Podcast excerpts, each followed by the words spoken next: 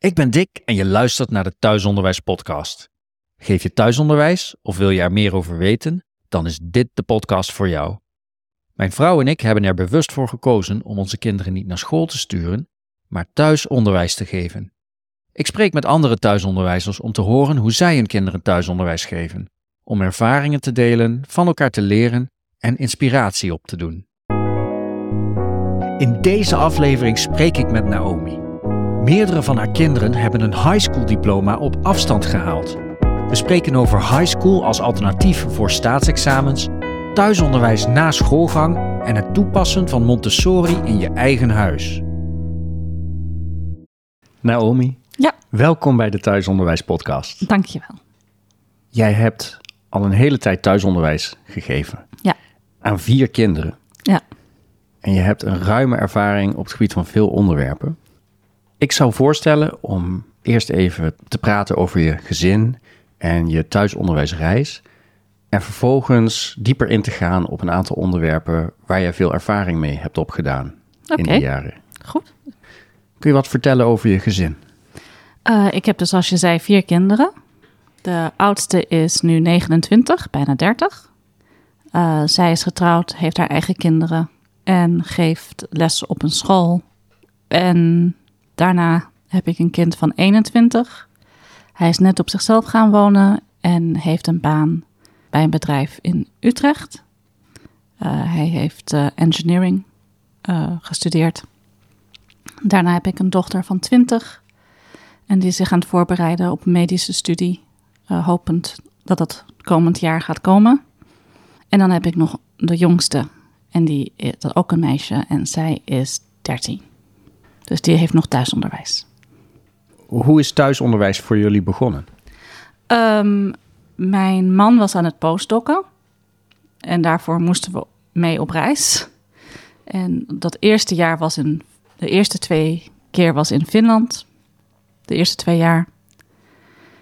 En ehm, daar was op een internationale school die betaald werd door de staat. Dus dat ging prima.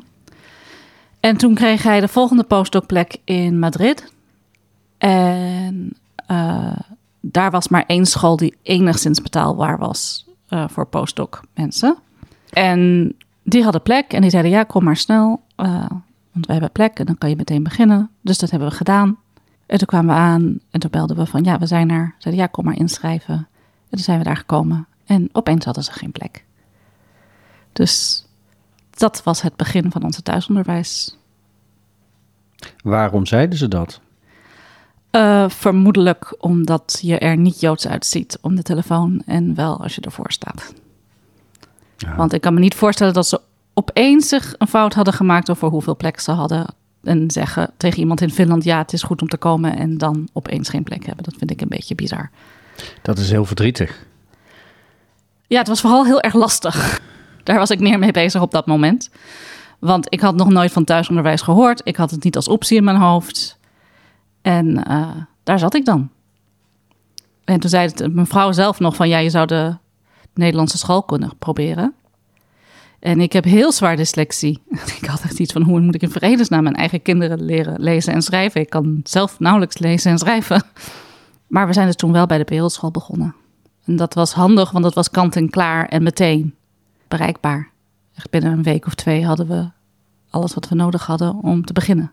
Wat kreeg je dan binnen? Dan kreeg je eh, Nederlandse schoolboeken, vaak van Manberg-achtige dingen.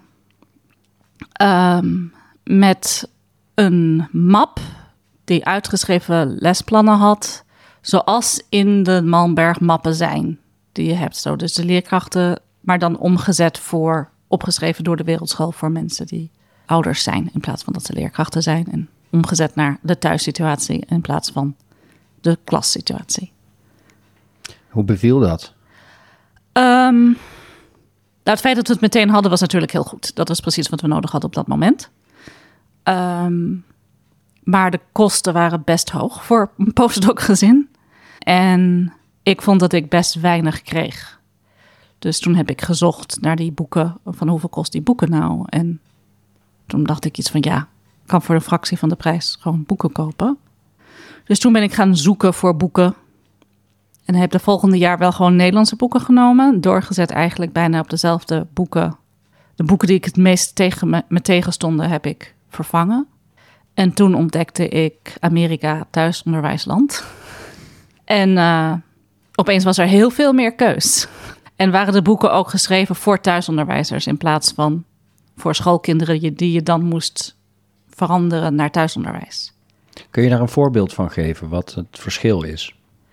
Um, er zit meer informatie in thuisonderwijsboeken, omdat er niet verwacht wordt dat er een leerkracht is die het allemaal gaat uitleggen en een lesplan heeft. Dus het is meer samen lezen en leren. Of dat het kind het zelfstandig doet en je er bent als er een probleem is. Terwijl schoolboeken verwachten dat er een lesplan is die je volgt met een klas. En ja, dat is natuurlijk anders dan thuis. Die Amerikaanse schoolboeken, daar komen we zo op terug. Mhm. Maar ik ben benieuwd hoe het voor je dochter en voor jou is geweest om na schoolgang thuisonderwijs te krijgen. Kun je daar wat over vertellen? Dat was uh, pittig. Ze had altijd geleerd om gewoon maar mee te komen op school. En ze is best slim. En dan deden we iets. En dat had ze dan binnen 10 minuten af. En dan had ik iets van: oké, nou, dit is niet op jouw niveau. We gaan het volgende ding doen. Oh, daar was het niet mee eens.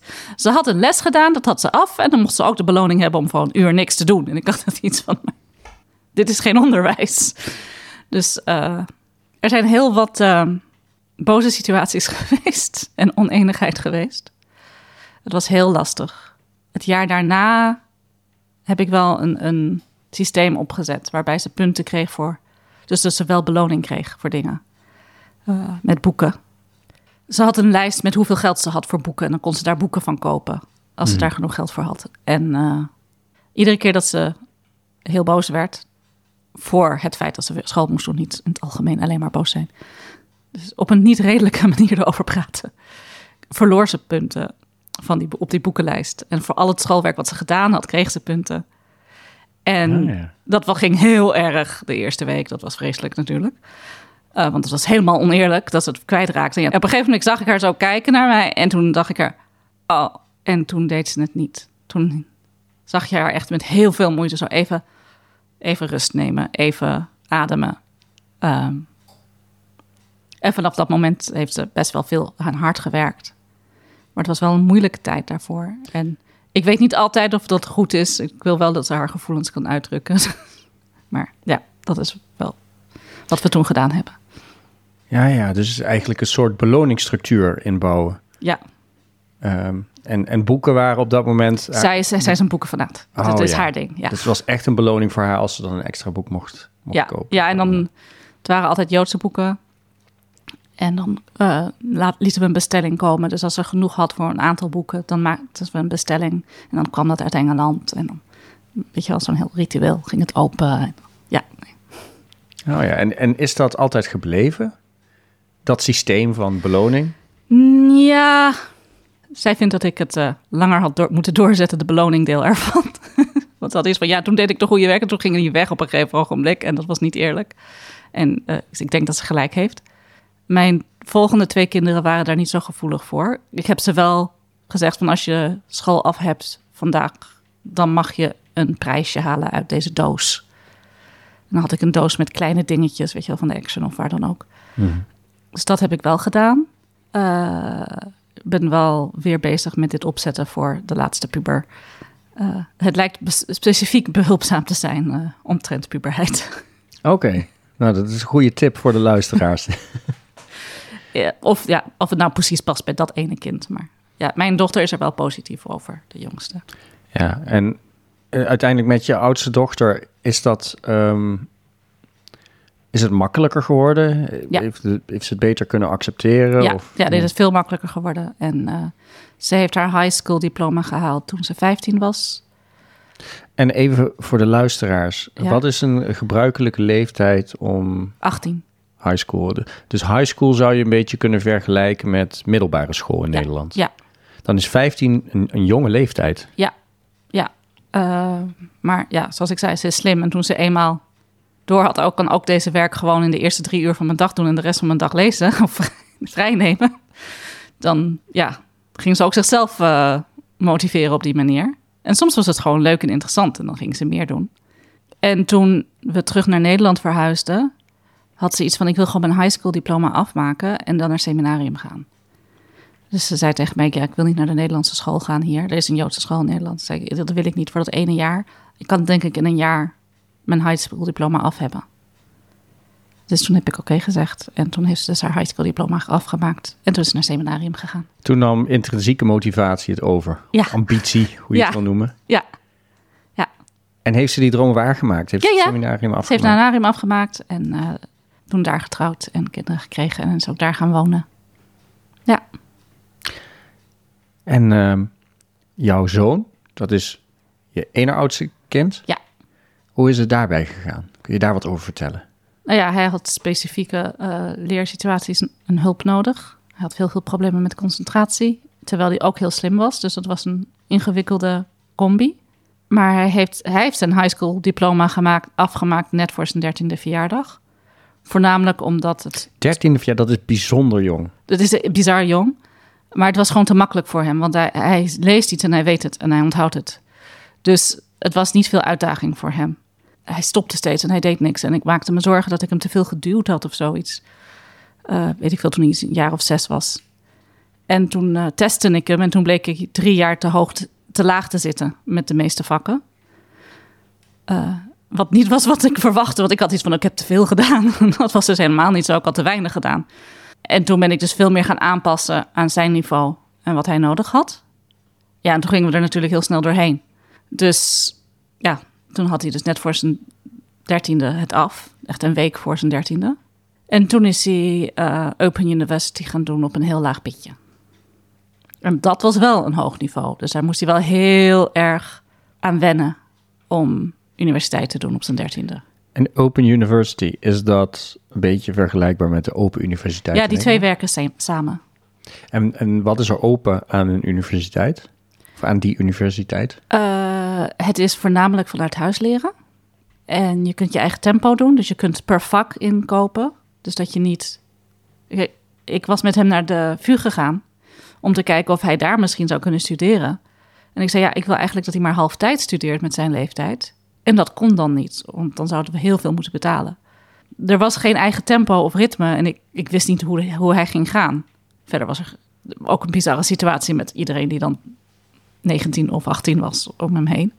Ehm, sociaal een beetje lastig. Maar op de Open Universiteit eh, kan het dus op je eigen snelheid. En dat was heel behulpzaam. En ook vanuit huis dan? En, en vanuit huis, ja. En ze hebben ook een speciale afdeling die gemaakt is voor kinderen onder de 18. Meestal dus hoogbegaafde kinderen. Ze hebben ook een speciale disability afdeling. Dus er is best wel veel ondersteuning voor die situatie. En boven de 18 mag je studeren zonder dat je een voorstudie hebt gedaan. Je moet het wel kunnen halen natuurlijk. En onder de 18 mag het zodra, als je dus een high school diploma hebt... of wat een equivalent van een middelbare school diploma hebt. Ja, en high school en ehm, eh, Open University are, zijn in het Engels. Hoe, hoe konden jouw kinderen zo goed Engels dan? Ik ben tw- drietalig en eh, mijn man sprak Nederlands met hun en ik Engels. Dus ze waren al tweetalig. Ah, Oké, dat, dat eh, konden ze al. Wat is jouw derde taal? Frans. Oké. Heb je ze dat ook geleerd? Nee, dat is heel lastig om. Ze kunnen wel beter Frans. Qua accent zijn ze heel goed in het Frans. Omdat ze met hebben horen spreken, vooral in, in Spanje. De gemeenschap in Spanje is. De Joodse gemeenschap in Spanje is eh, voornamelijk Marokkaans en spreekt heel veel Frans. Dus dat was de taal die ik daar de hele tijd sprak. Dus ze hebben heel veel Frans gehoord van mij. Maar ze hebben niet dat ik met hun Frans sprak eh, gehad. Omdat het. Ik snapte niet, ik begreep niet, ik zou het ook niet weten nog steeds. hoe ik een derde taal zou moeten. Wat half, de helft van de week is gewoon best wel inconsistent en onhandig. Dus we hadden gewoon één taal, één persoon. Hoe heb je dat met sociale contacten gedaan voor ze? Ehm, ja, we hebben in veel plaatsen gewoond, dus dat is dan extra lastig. Eh, in Spanje heb ik heel veel gebruik gemaakt voor de jongere kinderen. Van, eh, ze hadden allemaal organisaties voor expat-ouders met kinderen die activiteiten deden voor jonge kinderen. Dus als we, als we wouden, hadden we vijf keer per, dag, per week ergens heen kunnen gaan. Er was eh, Sticky Fingers en eh, Music on the Lap-achtige dingen. Gewoon al dat soort dingetjes. Maar voor mijn oudste dochter was het natuurlijk veel lastiger. Want die was bij die tijd al elf. gewoon, voor haar was het echt lastig. En dan probeerde ik wel contact te hebben met andere thuisonderwijskinderen. Maar daar waren er gewoon niet zoveel. En nu zijn er, is er veel meer thuisonderwijskinderen dan er was 20 jaar geleden. Dus dat was best lastig. En de gemeenschap daar is ook best klein, dus dat was ook lastig. Uh, dus ze heeft wel veel contact gehad binnen de gemeenschap, maar niet zoveel met kinderen. Dus dat is ook sociaal contact op zich. Ja, he- he- heeft het daarin eh, geholpen dat jullie deel waren van een gemeenschap? Ja, denk ik wel. Ja. Ja. Want je hoort wel eens het, het eh, vooroordeel van mensen die er niet zoveel van af weten. Van oh, mensen die thuisonderwijs geven en ehm, geloven in een geloofsgemeenschap zitten, die zullen misschien juist geïsoleerd zijn. Of die kinderen zullen misschien Nee, ik denk juist... dat die gemeenschap juist meer ruimte geeft, omdat je een, een sociale context hebt die al bestaat. En dat is waar school vaak voor gebruikt wordt. Het is een sociale context die al bestaat, waar je makkelijk in, in kunt komen.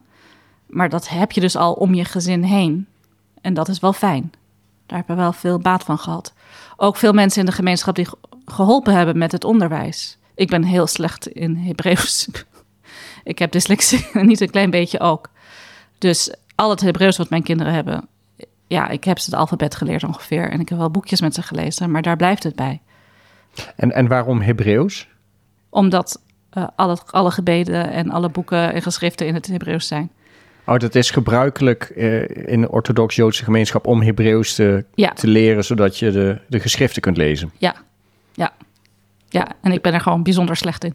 Dus jouw kinderen hebben, eh, zijn tweetalig opgevoed en hebben derde taal, vreemde taal voor hun moeten leren vervolgens. Ja, en mijn zoon heeft ook Aramees moeten leren. Ook nog. Die, die heb ik al helemaal niet gedaan. En waarom Aramees dan? Eh Talmud en Mishnah is eh, grotendeels in het Aramees geschreven. Dat is, dat is een flinke, dat zullen ze wel een flinke talenknobbel hebben.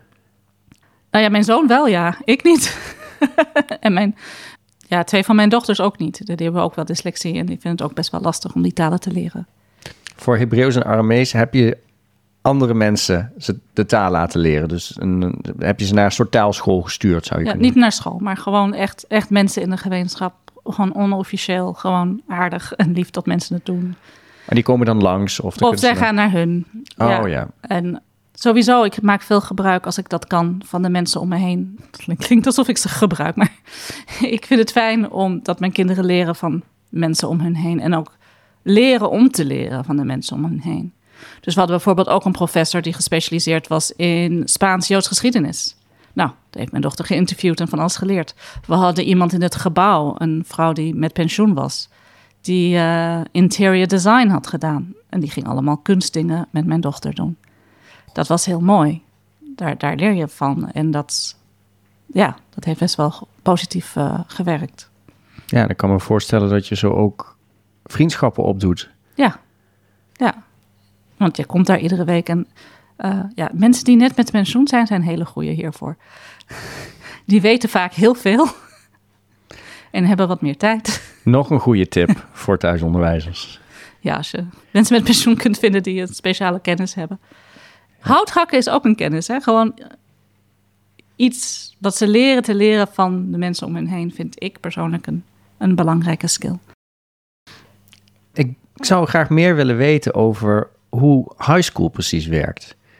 Want het, als ik het goed begrijp, is het een alternatief voor eh, VWO of nee, ik, ik weet niet, middelbare school. Ik- Ja. ik- is high school een bepaald niveau? Net zoals bijvoorbeeld HAVO of VWO of... Welke vakken en hoeveel vakken je doet, bepaalt de, niveau ervan. Dus het is één periode dat je examen doet, van één leeftijd, maar wat je in die examen, in die bundel gemaakt hebt, bepaalt de niveau.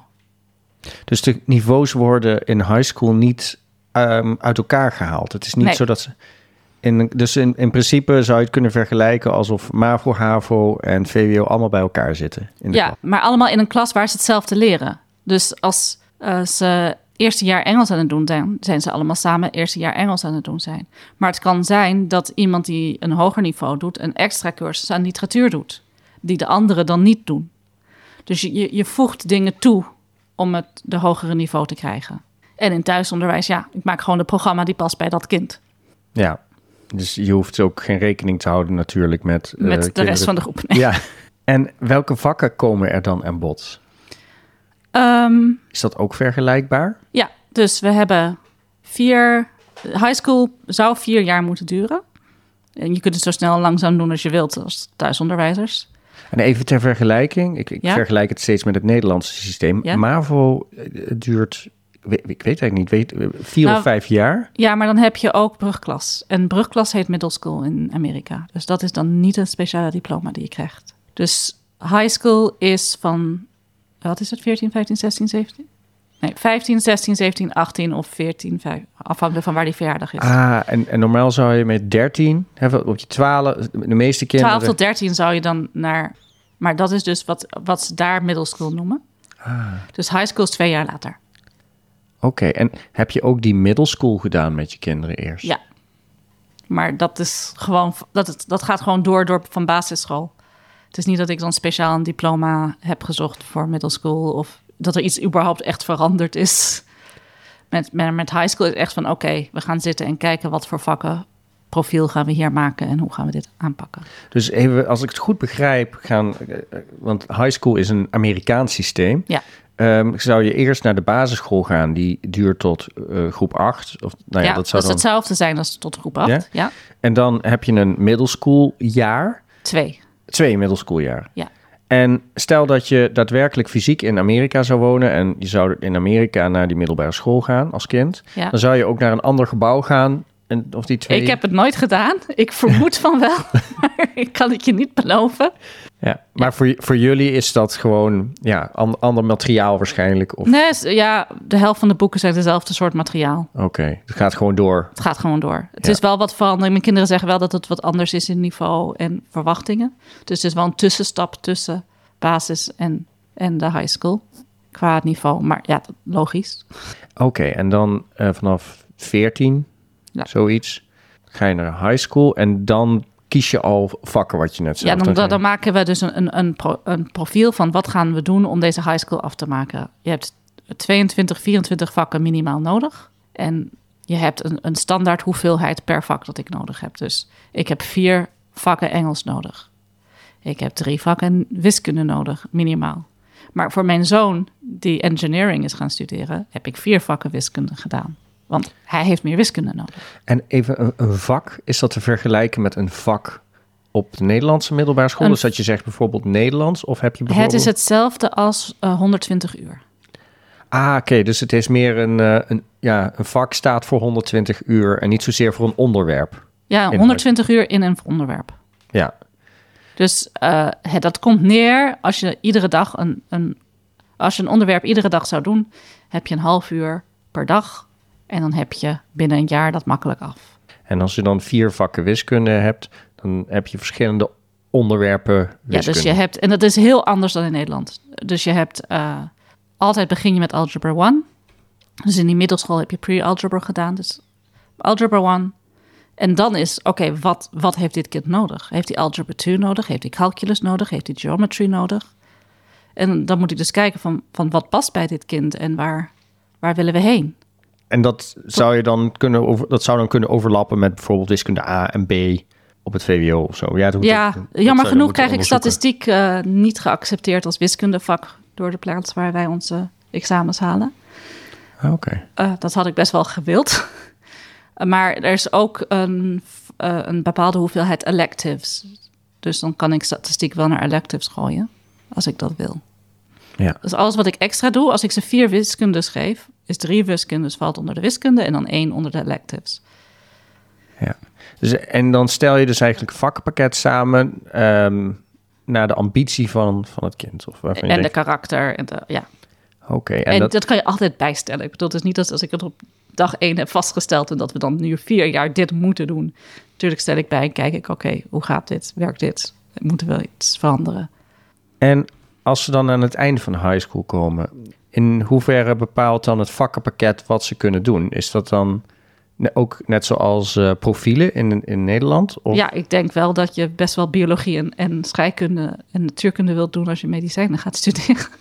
Ja, het ligt voor de hand inderdaad. ligt wel voor de hand, ja. Eh, misschien is kunst beter als je naar de modeacademie wil. Ja, Ja, en dan zou je dus daar, even stel dat we nog in Amerika zitten, naar de Amerikaanse modeacademie, die zal dan vereisten hebben voor het pakket wat je hebt gehad op je. vermoed ik wel. Ik heb Ja. nog nooit een Amerikaanse eh, instelling op die manier moeten Ja. gebruiken. Maar ja, wil je dat ik nog de rest van de pakketten vertel? Of? Ja, Nou ja, dus we hebben wiskunde en Engels, dat is vast. En dan hebben we een natuurwetenschappen, dus science. Eh, daar hebben ze er twee, moeten ze er twee van hebben, maar ik heb liever meer. Want alleen maar biologie en dan nog één andere vind ik een beetje sumier. Mhm. Ehm, en dan hebben ze social studies. En dat is, vind ik altijd een bizar begrip. Ehm, maar dat is eigenlijk aardrijkskunde, geschiedenis. Ze lijken nooit echt veel aardrijkskunde te doen. En, dus ik zet wel, maar aardrijkskunde wordt wel geaccepteerd. Maar ook eh, staatsleer of eh, politiek of dat soort dingen kunnen daarin. En één vreemde taal. Nou ja, mijn kinderen leren de hele tijd Hebreeuws, dus daar gebruik ik gewoon die uren voor. En dan heb ik een aantal dingen die ik altijd wel extra geef. Dus logica vind ik best een prettige vak om te geven. Omdat het toch leert hoe te denken over dingen. En dat, dat past. Dat kan ik gewoon in die electives doen. Eh, home economics doe ik meestal erin. Dan gaan ze naaien, koken. Ehm, maar ook hoe maak ik een budget, dat soort dingen. Gewoon die praktische zaken vind ik best wel belangrijk. En dan echt kijken naar het, naar het kind. Dat kind dat engineering gedaan heeft, ja, die heb ik technisch tekenen gegeven. Hij zegt dat het niet heel nuttig was, maar hij tekent wel mooi technisch nu. Ja, dus ik probeer wel echt aan te passen. Dus mijn dochter die zo van boeken hield, heb ik heel veel literatuur gegeven. En mijn dochter die nu medicijnen wil studeren, die heb ik heel veel eh anatomie gegeven. En eh, anatomy 1, anatomy 2. Echt best wel dingen die je meestal niet op high school niveau krijgt. Zometeen gaan we verder met het gesprek. Maar nu eerst even dit. Voor de Thuisonderwijs-podcast zoek ik een content creator voor social media. Ben jij handig met social media en wil je iets doen voor de thuisonderwijsgemeenschap? Stuur dan een mailtje naar thuisonderwijspodcast.protonmail.com. De vacature en het mailadres staan ook in de omschrijving. Terug naar het gesprek.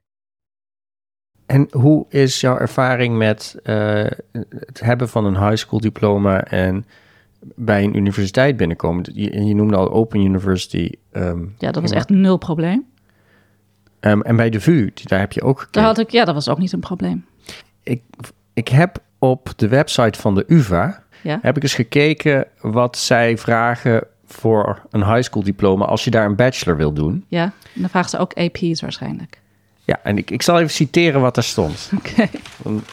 High school diploma and at least four college board AP exams Ja, in different ja. subjects, each with a grade between three and five, or a high school diploma and a successfully completed first year of full-time academic non-vocational college university undergraduate education.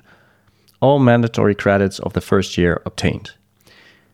Ja, dus die high school diploma and at least four AP's. AP's, college board AP's. Kun je Ja. daar wat over vertellen? Wat dat is? Eh, dus AP's is college credit. En die hoeven niet via AP. Die kan je ook via eh, colleges doen. Maar wat is AP? Advanced placement. En wat het is, is dat je heel veel van die high school eh, vakken, als je ze ietsjes hoger niveau doet, wat mijn kinderen vaak wel doen, kan je ook de eerste jaar universiteit, als je de, de basale vak neemt, ook halen. Dus dan kan je die twee, twee tegelijk doen. Dus dan leer je die ene en dan laat ik ze ook de eh, andere examen doen. Dus even, als ik, het, als ik het naar het Nederlands systeem zou vertalen, is alsof je het VWO-examen in een vak en het propeduizen-examen in een vak. Ja. Dus e- allebei samen zou doen. Of niet samen, maar je doet ze vlak na elkaar, want Precies. ze verschillen niet zoveel. Ja, precies. En er is een, ik weet niet, ik wil niet placements doen. Wij gebruiken altijd Straight-Align. Eh, en daar kan je ehm, examens halen op college level. Eh, three credits is hetzelfde als een AP. En dat kost me dan niet zoveel geld. Wacht even. Credits.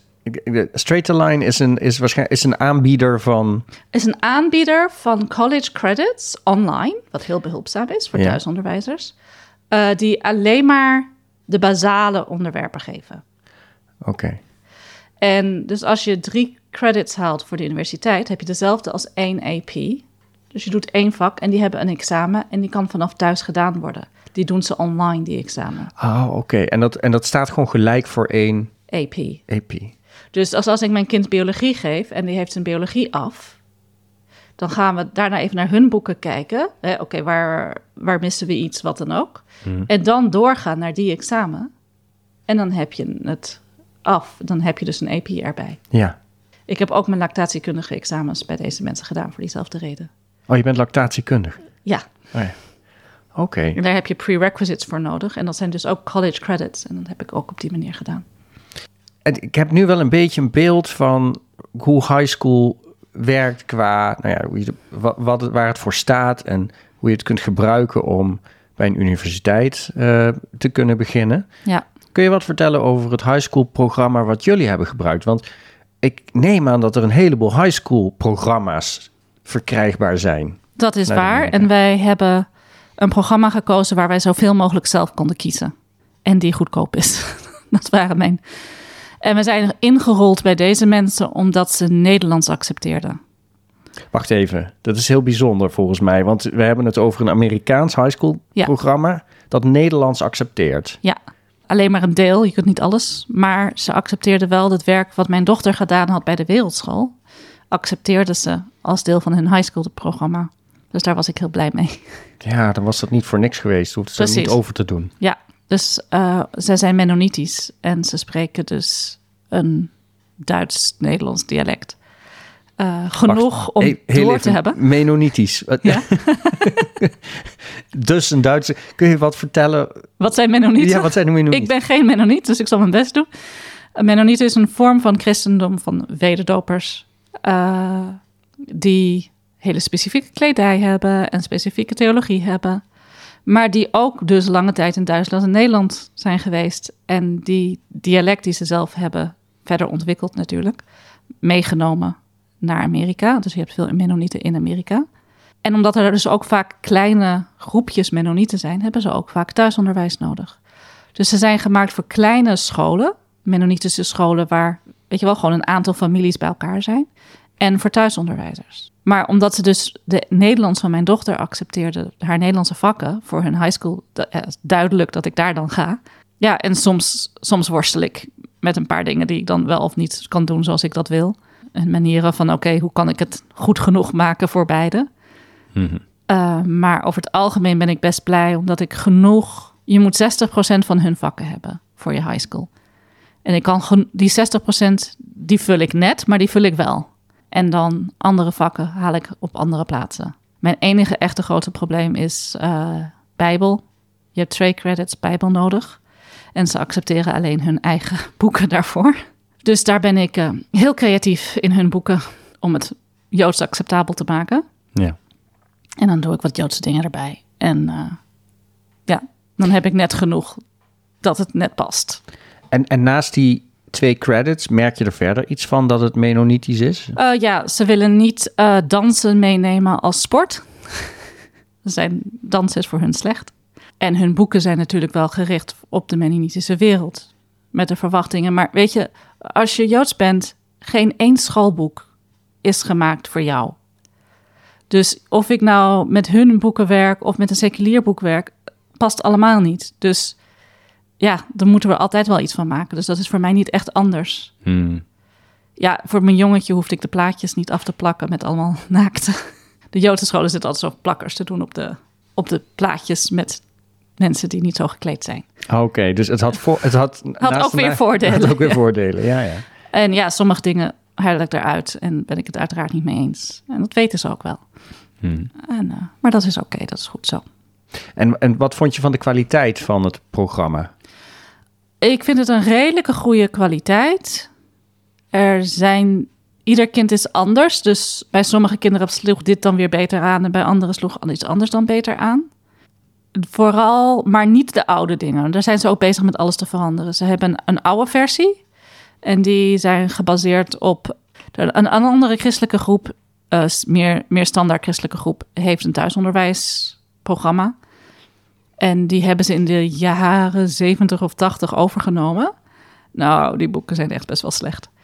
Uh, maar inmiddels, uh, ik heb het over 22 jaar later, zijn bijna alle oude boeken weg en is bijna alles nieuw. En die boeken zijn best wel goed en vrolijk ook wel. Dat vind ik wel fijn. Want je bent daarmee begonnen met dat high school programma met je oudste dochter. Toen ja, ik was begonnen met. Ik had bij die boeken, die, toen ik toen die, al die thuisonderwijsboeken vond en eh, winkels vond die dat verkochten online. Eh, ik had geluk dat online toen wel bestond weer. Dat ik gewoon naar, naar al die plaatsen kon gaan en kon kijken van wat zit er in je boek? Hoe ziet je boek eruit? En dat je dan ook magazines kreeg met reviews en online of live. Want als je een boek bestelde, dan krijg je die magazines erbij. Maar ja, dus een van hun, van die magazines, had ik dus deze Home Economics serie gekocht. Die in hun nieuwe versie is van de CLE, de plaats waar ik dus de- het ding haal. Sealy. Ik zal eh, een, een link van hun website in de omschrijving zetten voor mensen die geïnteresseerd zijn. Zijn, is goed. Ehm dus je wil ook een link voor, voor Straight Line doen. Ja, zal ik er ook bij zetten. andere mogelijkheden zijn er ook. Ehm, maar ja, zij was zo blij met die eh, home economics. En dat sloeg zo goed aan bij haar. Dat ik iets had van, nou, misschien hebben ze andere dingen die ook bij haar aanpassen. En toen ben ik naar hun website gegaan. En toen zag ik dus dat ze high school diploma's gaven. En toen heb ik ze opgebeld. En toen bleek dus dat ze... Want ik wist niet eens dat high school diploma's bestonden. En toen ontdekte ik dat ze ook nog haar Nederlandse vakken zou overnemen. En toen had ik iets van, oké, dat is heel wel de moeite waard. Maar dat is dus hoe ik daarin gerold ben. Ja, en voor je zoon eh, heb je hetzelfde programma gebruikt? Nu ja, mijn dochter en mijn zoon zijn best anders van elkaar. Van dezelfde aanbieder bedoel ik? Van dezelfde aanbieder, ja, zeker. Ja, en veel van de vakken waren hetzelfde en sommige waren best anders. Eh, Want je was dus blijkbaar wel zo tevreden over het programma dat je het ook voor je zoon wilde gebruiken. Want je zoon had niet al een Nederlandse. Nee. ehm, Nee, ik ben gewoon gebleven, inderdaad. Ja. Ja. Ik heb wel eens ergens anders gekeken, maar het was zo duur om iets anders te doen. En ik had veel minder vrijheid. En die vrijheid slash kosten is wel mijn reden om te blijven. hoeveel werk is high school? Je noemde net al ja, hoeveel uur er per vak staat. Nou, dan kan je het gaan uitrekenen, hè? 22 keer 120 gedeeld door 4. Ja, maar hoeveel, hoeveel is het in de praktijk voor jou geweest om het als Hangt heel erg van het kind af. Het ene kind, zoals ik zei, die, die dochter van mij die opeens gewoon ging werken. Ja, ik moest gewoon haar werk soms nakijken en ik moest met haar meedenken af en toe. Maar voor de rest deed ze het grotendeels zelf. En eh, die wou het ook zelf, weet je wel. Blijf er af, ik wil het zelf doen. Maar ik heb kinderen waarbij ik gewoon de hele tijd ernaast moet zitten. Dus een wereld van verschil, hoeveel tijd daarin zit. Het verschilt in welke mate ze zich kunnen concentreren. Hoe laat ze zich concentreren, hoe, hoeveel het leuk is om samen te zijn, hoeveel ze absoluut niet willen, hoe makkelijk ze vragen gaan stellen en om hulp gaan vragen. Als zij niet om hulp vragen, kan ik beter erbij zitten, want dan krijg je de problemen. Ja. ja. Verwachten dat een kind hulp vraagt die dat niet wil vragen, is eh, een problematische situatie. Ja. En hoe zit het met toetsen? Want je bent op afstand. Hoe weet ehm CLE, die, die high school aanbieder, dat jouw kind de stof beheerst? Eh, nou, je hebt natuurlijk iets getekend dat je naar waarheid enzovoort. Eh, de, er is een toets. Ieder module van CLE duurt drie weken. En het, en het eindtoets zit erin. Dus die hoor je eruit te halen. Je geeft de boek aan het kind. Je werkt door het boek heen. Dat is 15 lessen. Aan het einde van de 15 lessen heb je één les voor een toets. Dus die is standaard gemaakt door CLE. Ik heb ook gevraagd van, hey, als er stof in zit wat voor mij niet kan. Hè, het is heel christelijk, er is iets waar ik me niet in kan vinden. Zei ze, dan haal je het eruit en dan hercalculeer je de, de procenten met de stof die wel gebeurd is. Dus daar had ik een afspraak over. En je moet de toetsen houden, want ze mogen op ieder moment je toetsen vragen. En zij zijn weer onder iemand anders. Die, dat was vroeger niet, maar dat is nu wel zo. Dus er is een organisatie die hun weer checkt. Oké. Dat zij naar waarheid alles. eh, dus ze hebben accreditatie. En hoe doe je dat dan, zo'n toets met je kind aan, aan de keukentafel? Ja. Of in een kamer. En dan maakt hij dat en dan, Ik heb de antwoorden. ja, Ik zorg dat ik de antwoorden bij. Houdt van het kind af. Sommige kinderen zijn echt helemaal niet de tendens om. Maar er zijn kinderen waarbij ik heel erg zorg dat ik de antwoorden bij mij heb wanneer zij een toets doen. Mhm. En dan check ik hun werk. En dan, eh, als het 80% is of meer voor CLE, heb je het gehaald. En als het 70 tussen, tussen de 70 en de 80 is, moeten ze correcties maken met jou. Dat ze gaan oefenen, het ding wat ze niet goed wisten. En dan mag ik het naar 80 zetten. En als ze minder dan 70 hebben, dan moeten we het stof opnieuw doornemen. Ja, en dan ehm, mocht CLE dat willen controleren, dan kijken ze naar de toetsen die de kinderen hebben gemaakt. Ja. En die moet je dan fysiek daar, daar hebben. Ja. En aan het einde van alles hebben ze een examen buiten, die niet do- door mij gedaan wordt. Eén examen. Eén examen. Eh CLE heeft de Californian Achievement Test. En afhankelijk van wat het kind wil doen, doe ik die. eh, of ik ben ook aan het overwegen om de SAT te doen. Dus maar één van die twee eh, moet je in ieder geval doen. Misschien is er een andere dat ik niet weet, maar dit zijn de twee die voor mij voor de hand liggen. Ja, want als, als, als scepticus zou ik kunnen zeggen, ja, maar je kunt al die toetsen zelf invullen en dan net doen alsof je kind dat heeft ingevuld. Ja, dat zou kunnen. Alleen dan haalt hij natuurlijk die eindtoets niet. De eindtoets is veel meer op Engels en wiskunde. Dus ja, biologie, misschien zou dat wel werken. Eh, ik het is niet wat ik mijn kind wil leren. Gewoon. ik wil dat mijn kind voelt dat hij ethisch in de wereld moet staan. En als hij biologie wilt weten, dat hij biologie dan ook daadwerkelijk weet. Ja, het is ook handig voor zijn vervolgopleiding natuurlijk. Precies. Haar vervolgopleiding. Als die biologie belangrijk is, dan is hij belangrijk. Ik heb liever dat hij hem thuis leert. Dus dat is niet iets waar ik eh, gevoel heb van... oh ja, dat is een goed idee. Nee, dat begrijp ik. Maar het- het is dus een klein beetje ook op vertrouwen gestoeld, het Ja. systeem. Ja. ja. Ja, dat is het wel. Heb je hulp nodig gehad om je kinderen te begeleiden bij het programma? Eh, ik heb wel hulp gekregen van CLE. Die hebben mij ook een eh leraressenopleiding gegeven. Eh, je krijgt als je je inschrijft een, een, een opleiding voor jezelf. Zelfde soort boekjes. Die moet je dan naar hun sturen. Oh, ja, ja. De examens gaan naar hun en dan krijg je een antwoord en wordt het weer besproken. En is het omgekeerde ervaring. Dat heeft voor sommige dingen geholpen. En voor sommige dingen denk ik van, nou, daar ben ik het niet helemaal mee eens. Maar het was wel een nuttige opleiding ook om erover na te denken. Zelfs als ik het er niet mee eens ben, om te denken van ja, wat wil ik wel, hoe moet het wel. Dus dat was nuttig. Ja, Ja. daar was ik blij mee. Ook gewoon hoe je het papierwerk doet voor CLE. Hoe, hoe stuur ik de cijfers in? Hoe, hoe vul ik formulieren in? Gewoon hele praktische dingen. Maar ook van, wat doe ik als mijn kind echt helemaal niks wil vandaag?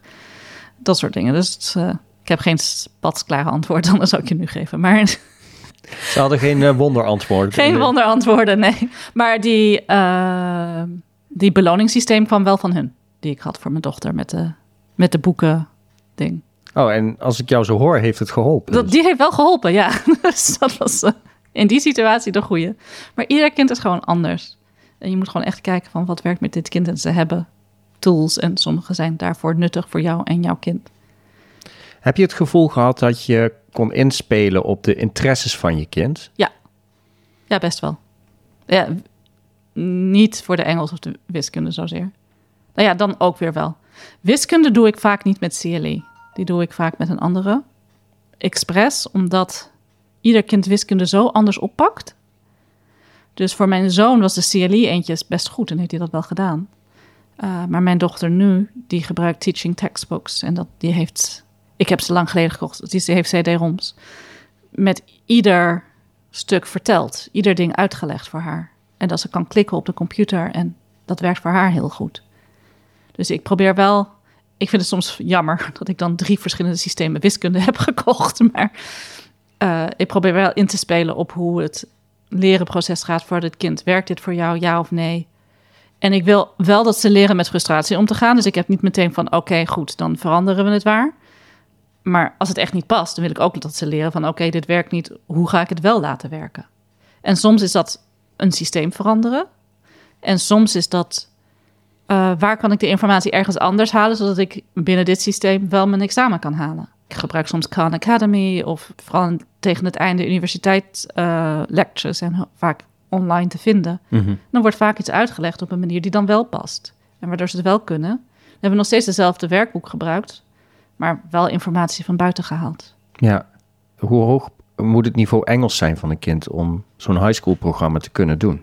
Dat weet ik niet zeker, want mijn kinderen zijn niet alleen Engelstalig, maar in een gezin opgevoed waarin iedereen heel veel aan het lezen is en heel veel Engels gebruikt en dat hun niveau van Engels meestal hoger is dan het niveau Engels dat voor een native speaker zou zijn op die leeftijd. Dus dat is niet een vraag wat ik ooit heb moeten aanpakken. Mhm. Uh, dus ik weet niet als je, als je Engels als een tweede taal zou hebben. De, de CLE wordt wel geschreven voor, Nederlands als een tweede, uh, voor Engels als een tweede taal. Want heel veel mensen spreken dus uh, Pennsylvanian Dutch als eerste taal en doen hun high school in het Engels. En dan soms krijg je hele bizarre dingen van zeg het niet zo, maar zo. En dan heb ik iets van, waarom zouden we in vredesnaam het op manier A ooit hebben gezegd? Weet je wel? Komt niet bij ons op, valt, valt niet binnen onze cultuur. Ja. Dus het is wel gemaakt voor kinderen die uh, Engels niet als, per se als eerste taal hebben. Oh ja, en ik heb één kind wel high school meegeholpen. Uh, haar moeder, uh, zij had niet Engels als eerste taal. Maar wel, sprak wel redelijk Engels. En haar moeder had kanker en die kon dat jaar niet echt school geven. Dus ik heb dat kind toen ook high school gegeven. En dat ging redelijk goed. En toen heb ik bij CLE de vakken genomen die ik nooit had genomen bij de andere kinderen. Uh, extra Engels. Uh, dus, ze hebben van die vakken die speciaal zijn voor kinderen die meer moeite hebben met. Ja, en die heb ik toen, dan, toen ingezet en dat ging best goed. Maar je moet wel redelijk Engels kunnen spreken. Dat is wel noodzakelijk als je je school in het Engels wilt doen. Ja, dat, dat, dat lijkt me logisch. Maar ik, ik kan me voorstellen dat luisteraars nu denken van... Goh, mijn kind spreekt redelijk Engels. Um, maar is het goed genoeg om aan zo'n high school uh, te kunnen beginnen? Ja, dan moet je veel aan je Engels gaan werken. Maar dan Engels gaat wel beter worden. Dan krijg je wel tweetalig onderwijs. En juist omdat ze dus ook Nederlandse dingen accepteren... Ja, die 60% gaat in het Engels moeten zijn. Maar het betekent dat je wel 40% ruimte hebt voor Nederlandse dingen. Ik weet niet of het een idee is om een beetje een stuk middle school te proberen. Dat, zou, ik, dat, dat zou ik eerst doen, ja. Ik zou zeker eerst lager beginnen. En zien hoe het gaat. Ja. Van ja. Of, of, het, of het werkbaar is of niet. Ja. Buiten Engels, dat het Engels is, dat is denk ik het grootste verschil voor het Nederlandse thuis, thuisonderwijs. Ja. Wat zijn de belangrijke verschillen en overeenkomsten met VWO, buiten wat we nu besproken hebben? Nou, dat het heel erg per vak gericht is. Mm -hmm. Dat vind ik uh, best bizar. Vond ik best bizar. Uh, de, dat, dat wiskunde een beetje door elkaar is. Je hebt wel A, B en... Maar dat is nog steeds best wel door elkaar. Dat je dus zegt algebra, dat is één ding. En uh, literature is één ding. In Engel, Nederland zou je niet bedenken om een vak literatuur te doen. Dan doe je gewoon Nederlands. Mm. Dat hoort er dan bij. Dus uh, dat hele aparte van elkaar is, vind ik heel anders. Maar dat vind ik eigenlijk wel leuk, omdat ik. Je gaat er echt voor. Je gaat voor één ding en dat, doe je dan iedere dag voor een jaar. En nou, met Engels en wiskunde is dat minder zo, omdat je altijd dat moet doen. Maar uh, biologie bijvoorbeeld, dat je gewoon best diep in de stof heen gaat. Dat vind ik best wel prettig. Ik heb altijd de Apologia, misschien ken je die. Dat is een christelijke. Ja, kinderen zijn te jong. Ze hebben ook voor jouw leeftijd, maar ik heb hun high school dingen gedaan omdat CLE het accepteerde als hun credit. Dus ik hoefde niet het als credit van buitenaf te kiezen. Oké, okay, dus je hebt het nu over een andere high school aanbieder. Ja, een andere high school. Ze, mm -hmm. ze bieden geen high school aan als in credit systeem, maar mm -hmm. wel een. Ze, ze doen een science systeem. En in de tijd dat ik begon was dat wel de beste die er toen was. Ja. Ik weet niet wat er nu is. En die gaan heel diep op de stof in. En we doen uh, dissection tijdens biologie en, en, en allerlei tests en dingen. Dus je gaat er gewoon best diep in en dat vind ik best wel leuk. En ik vond het hele leuke dat ik veel meer uh, extracurricular kan doen. We hebben ook bijvoorbeeld uh, car uh, repairs and mechanics. Dus mijn kind gaat voor een half jaar leren hoe je een auto moet repareren. oh, dat is gaaf. ja, vond ik best leuk. dat, dat, had ik ook al willen hebben. Ja. En natuurlijk doe ik er maar één of twee van dat soort vakken voor een kind die universiteit wil doen. Maar dat ze wel iets anders hebben, wel wat breder kunnen gaan dan, dan dat hele stramiem van. Omdat je in Nederland zo een vakkenpakket hebt, die vakkenpakket of die vakkenpakket. En dus de vrijheid om niet aan een pakket vast te zitten, maar gewoon van nou, dit past bij jou, dat past bij jou, deze niet, die vind ik interessant. Hier hebben we een hele goed systeem voor die we toevallig in huis hebben, laten we die nemen, weet je? Dat vond ik wel prettig eraan. Ja, en qua uh, toetsen, kijk, bij het VWO heb je een, uh, een, een behoorlijk eindexamen. Als je mm -hmm. thuisonderwijs geeft, dan ben je gebonden aan staatsexamens. Ja. Dus dan wordt er volgens mij nog meer waarde aan, eh, aan Ja, gehecht. ja. Hoe zit dat bij een online high school diploma? Nou ja, die, die straight lines, eh, die, die, die AP-vakken of eh, college credits, die zijn gewoon per vak. Dus, en de high school credits zijn per tiende van een vak. Dus de, die, ik vind die druk wel veel minder. De druk is minder bij een high school. Ja. In de eh, Californian Achievement Test, ja, dat is twee dagen en dan heb je het af. Dus ja, en als je het niet haalt, dan doe je het weer. Stelt het met staatsexamen overigens. Ehm, maar het is niet alles. Het is niet dat je ieder ding wat je gehaald hebt, heb je gehaald. Dus je bouwt op wat je gehaald hebt. En dat vind ik wel motiverend voor de kinderen. Dat ze iets hebben van, dit heb ik nu gehaald. ja, ja. Uh, dit heb ik al. Dit heb ik al. Het zijn gewoon kleine stukjes die je steeds hebt, die wel echt zijn. Dat is echt een onderdeel van je diploma. Je hebt dus niet een, nog één groot biologie-examen Nee. bijvoorbeeld op het einde. Nee, Dat is dan onderdeel van die toets Ja. die je net noemde. ja. Ja, ja. En dat maakt best wel uit, denk ik. Daar zijn positieve en negatieve kanten aan. Uh, een van mijn kinderen zegt van nee, het staatsexamen is beter, want dan heb je dat je daarheen moet werken. Het kan niet uitgesteld worden. Uh, die heeft best wel veel moeite met concentreren, dus deadlines werken goed voor haar. En ja, mama heeft een deadline gesteld, is net wat minder dan de staat heeft een deadline gesteld. Werkt minder goed. Dus ja, alles heeft zo zijn voor- en nadelen, afhankelijk van wat met dat kind werkt. Maar in het algemeen vind ik die druk minder wel prettiger. En meer verspreid. Naomi, jij hebt me ook wel eens verteld dat jij opgeleid bent tot Montessori-lerares. Nee, ik heb het begin van de opleiding gedaan. Ik werd zwanger tijdens de opleiding. Oké. Heb je daar nog iets mee gedaan? Ja, bij mijn jongste kind, eh, mijn oudste kind, sorry. Het kind die ik het eerste had toen ik het jongste was. En het, die, eh, die was gewoon op school. Maar ja, ik voelde niet dat ze echt daar aan haar trekken kwam. Dus ik ben met haar begonnen met eh Montessori dingen maken en haar leren lezen, schrijven en gewoon af en toe een werkje hier of daar. Dus dat was veel meer af en toe iets maken dat zij dan mee kon spelen en doen. Uh, dus dat is veel meer los geweest. En bij de volgende twee, die waren in Madrid, heb ik eigenlijk een hele Montessori school gemaakt. Ik heb mijn boeken gepakt en ik heb bijna ieder ding die je kon maken, de hele practical life, de hele sensorial, alles zelf gemaakt. Was heel leuk, heel veel vreubelen. Uh, en toen had ik in een, we hadden heel weinig ruimte, maar we hadden een hele lange gang. Dus van die hele goedkope, de goedkoopste boekenkast die je bij de IKEA kunt krijgen. Zo gevuld de onderste drie verdiepingen met al die schooldingen, al die schoolmaterialen voor Montessori. Dus ik heb mijn kinderen daarmee begonnen, die twee. En dus had je een Montessori-omgeving voor ze? Gemaakt, ja. Ja, gemaakt. En hoe heb je ze dan, uh, hoe zag dat er dan verder uit? Wat, wat maakt het dan Montessori om? Uh, nou, Montessori heeft dus uh, hele specifieke um, werkjes gecreëerd om bepaalde dingen te leren die ze dacht, dit is wat een kind moet weten, om die zelf te oefenen en te leren. Dus het gaat veel meer vanuit het kind. Niet ik vertel mijn kind hoe dit werkt, maar geef eerst een lesje met het nieuwe ding. Ik, leg, ik laat zien hoe ik het doe. Mm-hmm. Dus ik doe het zelf. Mijn kind observeert. En dan kan het kind het zelf doen. En dat is bij hele jonge kinderen gewoon, hier is een, en alles is op de maat van het kind. Hier is een, een potje water, hier is een kopje, giet water. Voordat je het lesje giet water krijgt, krijg je het lesje hoe gebruik ik een spons. Heel handig. Heel handig. Wat een goede tip. Dus eerst doe je, hoe maak, gebruik ik een spons? En daarna heb ik hier, giet ik water en dan doe ik een spons erbij. Zodat als er, dus er is altijd een, een foutcorrectie voor het kind zelf. Uh, rijst lepelen, maar gewoon allemaal manieren om je fijne motoriek en grove motoriek heel goed te helpen.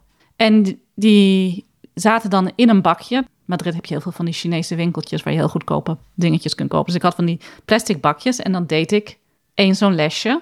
Dus bijvoorbeeld voor het gieten deed ik het kleine kannetje en het kleine kopje en de spons zaten in een bakje. En die zat dan op een van die planken. En daarnaast zat dan het andere lesje en het andere lesje en het andere lesje. En dan ging het dus door die lesjes heen wat ze allemaal Als ze een nieuwe lesje wouden, dan ging ik naast zitten, ging ze laten zien en dan konden zij het doen. En dan kon ze terugleggen en dan konden ze zelf andere lesjes pakken. Dat is hoe Montessori werkt. Ja, en, en wat, hoe heeft dat ehm, zich vertaald in vaardigheden voor je kinderen? Me- Merk je daar iets van? Of was het een Dat is natuurlijk heel moeilijk te zeggen bij een kind van 14 van ja, wat was, wat was dat? Of het kind van 23. Ik denk wel dat het een eh, ik kan attitude maakt. Het kind heeft heel snel zelf een regie binnen bepaalde kaders. Mhm. Eh, en dat vind ik wel fijn. Van ik, ik wil dit verder oefenen. Of ik heb er nu genoeg van. Dat soort dingen voelen en denken van oké. En dat is natuurlijk een heel simpele manier om daarnaar te kijken. Maar ik, ik vind het best wel prettig op die manier. Als ik iets knoei, kan ik het zelf opruimen. Als ik iets knoei, kan ik het zelf opruimen. Altijd alles. En dat heb ik ook gewoon in mijn huis ingezet hoor. Als ik wil dat mijn kinderen leren de tafel dekken. Dat ten eerste met Montessori heb je een, een lapje. En dan borduurde ik de, de lepel en de vork op het lapje. En de- dus waar alles moest, was dan geborduurd. Nou, eerst hadden ze geleerd hoe ze een lapje moesten vouwen. En dat was de keer daarvoor. Dus dan hebben ze het lapje opengemaakt en dan zetten ze al die dingen op de goede plek. En hebben ze geleerd om een tafel te dekken. Daarna leren ze het zonder de borduursel. Maar dan wil ik wel dat ze dat ook in huis kunnen doen. Dus dan wil ik wel dat de borden op een niveau staan, op de plank staan, waar mijn kinderen erbij kunnen. Dat het bestek, eh, ze doen heel vaak borden in een bovenkastje. Dat is bij mij niet geweest, zolang ik een kind heb die kort is. Die borden staan onderaan, want mijn kind moet tafel kunnen dekken. Mijn kind moet een glas kunnen pakken om te vullen. Dat is ook heel Montessori, is om niet nep dingen te doen. Dus hij had iets van een glazen bakje, een glazen kommetje. Dingen die echt zijn. Niet eh plastic dingen. Nou, raad ik je niet aan als je tien kinderen hebt om dat te doen. Maar, maar eh, eh, het werkte best goed om gewoon dat kind te voelen dat hij meetelt en kan. En dingen kan. En bij het laatste kind die is heel ziek geweest. Dus daar heb ik veel minder ruimte voor gehad. En ik voel wel dat ik die, dat mis. Dat ik dat toen niet zo goed heb kunnen doen. Het klinkt heel liefdevol, zoals je het beschrijft. Dat je dat dan voor je kinderen zo inricht en samen met ze dit, dit doet. Het klinkt een hele leuke manier om interactie te hebben met je jonge kinderen. Ja, ik vond het heel prettig. En ik denk ook, omdat ik heel jong moeder was en niet echt iets geleerd had uit huis hoe ik met kinderen om moest gaan, dit mij wel een, een hulpbron ge- geweest is. Om te denken van oké, hoe help ik mijn kind het zelf te doen? Om het zelf te pakken, om het zelf. Net zoals ik in de high school doe. Dan, dan merk ik dat, dat ik datzelfde wel die filosofie in me genomen heb. Van ik help mijn kind om het te leren Ja. om het te doen. En mijn kind gaat niet zomaar praktische dingen in de wereld weten zonder dat ik het ze heb geleerd. Zie heel vaak dat ouders dan boos zijn geweest op hun kinderen omdat ze iets niet kunnen die ze ook niet geleerd is. Waarom moet je zo de waswasmachine inruimen? Heb je ooit stilgestaan en op een positieve manier je kind ge- uitgelegd hoe je die afwasmachine wilt inruimen? Het is vaak achteraf dat er commentaar achteraf wordt. Natuurlijk leer je daar ook van, maar ik heb zo het gevoel dat het positiever kan. Ja, het is een prettigere manier van met elkaar omgaan. Ja, om vooral te zeggen: hey, dit is hoe we een afwasmachine vullen. En hier, hier zijn wat borden, hier mag je oefenen. Ga maar lekker even oefenen. En dan de volgende keer als er vieze dingen zijn, dat we dat dan samen doen en dat je dan zo op die manier kunt opbouwen. Afwasmachine staat niet in de Montessori eh, opleiding. Ze komt uit eh, 1908 of zo. Maar ehm, Die waren nog niet uitgevonden. Die waren er nog niet. Maar eh, ja, wel afwassen. Dat heeft ze wel naar ding. Dus eh, ja. je kunt het aan, aanpassen tot de wereld van nu en wat je om je heen hebt nu. Heb je tips voor beginnende thuisonderwijzers? Wat zou je jezelf vertellen toen je 22 jaar geleden Begon. begon? Nou, ik kreeg dit heel veel met corona. Dan had ik ouders die opeens hun kind thuis hadden en die naar mij kwamen van help. En dat is best wel gelijk aan mijn situatie. Eh, ik had ook van de ene dag op de ander help. Neem even de rust, neem even pauze. Kijk eventjes wat er is en wat er niet is. Je kind hoeft niet alles 100% te halen. Hij hoeft niet precies te weten hoe de klok werkt vandaag. Morgen is nog een dag. Dat zag ik heel erg veel terug in corona en ook wel bij mezelf. Dat je in het begin gewoon denkt, nou, blijkbaar moet mijn kind dit dus nu goed weten. Het gaat herhaald worden in de stof. Ongeveer twintig keer. Ieder ding wat we vandaag hebben geleerd is een bonus. Het komt wel. En als het kind het bij een herhaling het niet weet, dan ga je terug naar de stof die er was vorige keer. En zeg je, oké, hoe- waar vinden we dit? Hoe zoeken we dit? En dat is denk ik wel wat ik binnen de eerste aantal jaar wel opeens door had. Ook omdat ik dus meteen begon ongeveer met high school, gewoon een paar jaar daarvoor. Dus ik had al oudere kinderen die ik onderwijs gaf. Dus dan leer je dat meer met die oudere kinderen. Van, de doel is dat jouw kind leert om te leren. En het doel is, hoe, als het kind een probleem heeft, van oké, hoe gaan we dit oplossen? Wie ken je die dit zou weten? Is er iemand die ik ken? Hoe is er ergens dat we dit op kunnen zoeken? Hoe, hoe lossen we dit op? Hoe kan je dit wel uitvinden? En probeer op die positieve manier oplossingen te, gericht te zijn. Uh, want uiteindelijk gaan ze door hun hele leven moeten leren en skills moeten oppakken. Mijn dochter heeft twee opleidingen gedaan sinds ze van mijn thuisonderwijs weg is. Drie zelfs. Hoe dan ook, zij heeft dat gedaan en zij kan zelf leren. Ze weet hoe ze, als ze een cursus heeft, ze het zelf moet doen. Uh, dat is voor haar niet moeilijk, zelfstandig leren. Heeft ze wel kaas van gegeten. En dat is het leven. In het leven ga je altijd dingen tegenkomen dat je nu moet leren. Dat is een life skill. En ik ben erg voor life skills. dus dat is de doel. De doel is niet, heeft mijn kind dit ene ding nu onder de knieën? Het ding is, mijn kind krijgt dit niet onder de knieën. Hoe help ik hem uit te vogelen hoe het wel onder de knieën te krijgen? En één daarvan is door niet alles vandaag te doen. Je pakt er één van en zeg je, oké, deze gaan we vandaag aan werken. Hoe zou dat wel helpen? Heel mooi. Dankjewel. Is er nog een onderwerp wat je zou willen bespreken? Het is vermoeiend om thuisonderwijzer te zijn in een niet thuisonderwijzende wereld. En je hoeft het niet altijd te zeggen en je hoeft niet altijd jezelf te verdedigen. Het is oké om soms niet op de barricade te staan. en soms wel.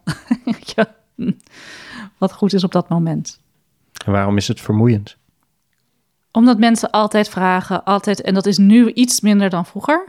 Alhoewel ik dus nu in Nederland wel heel erg veel negatieve verwachtingen terechtkomen die ik 15 jaar geleden minder had.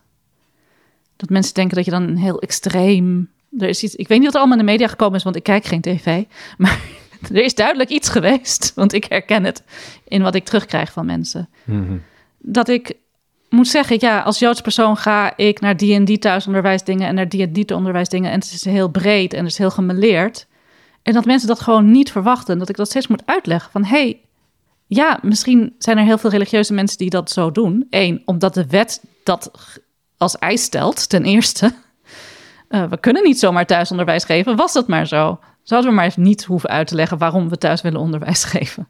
Maar die gemeleerde groepen over het algemeen zien vaak andere delen van die groepen. En het is gewoon vaak dat je meer breed. Ik denk dat ik mijn kinderen meer brede mensen zien dan een kind die naar school gaat in een algemene school.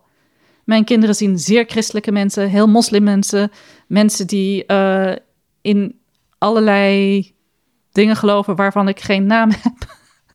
En sommige dingen vinden ze belachelijk en sommige dingen niet. Maar ze weten wel hoe ze om moeten gaan met mensen waar ze het niet mee eens over zijn. En gewoon het wel leuk hebben met die mensen.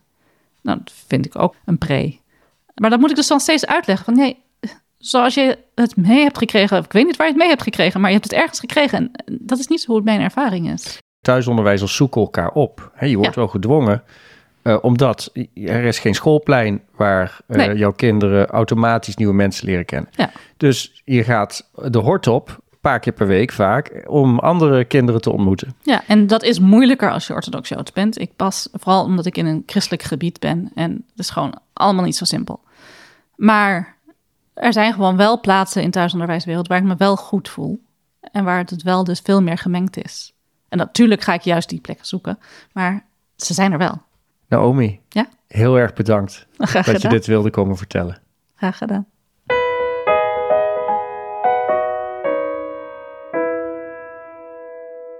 Dank voor het luisteren naar de Thuisonderwijs Podcast. Vond je deze aflevering interessant? Stuur hem dan door aan iemand die hem ook interessant zou kunnen vinden. Wil je automatisch worden gewaarschuwd als er nieuwe afleveringen zijn? Tap dan in Spotify op de volgende knop en op het belletje ernaast of op de plusknop in Apple Podcasts. Het maken van een podcast kost tijd en geld. Wil je helpen om nieuwe afleveringen mogelijk te maken? Doe dan een bijdrage in de Fooienpot op fooienpot met een d.com slash thuisonderwijspodcast. De link staat ook in de beschrijving.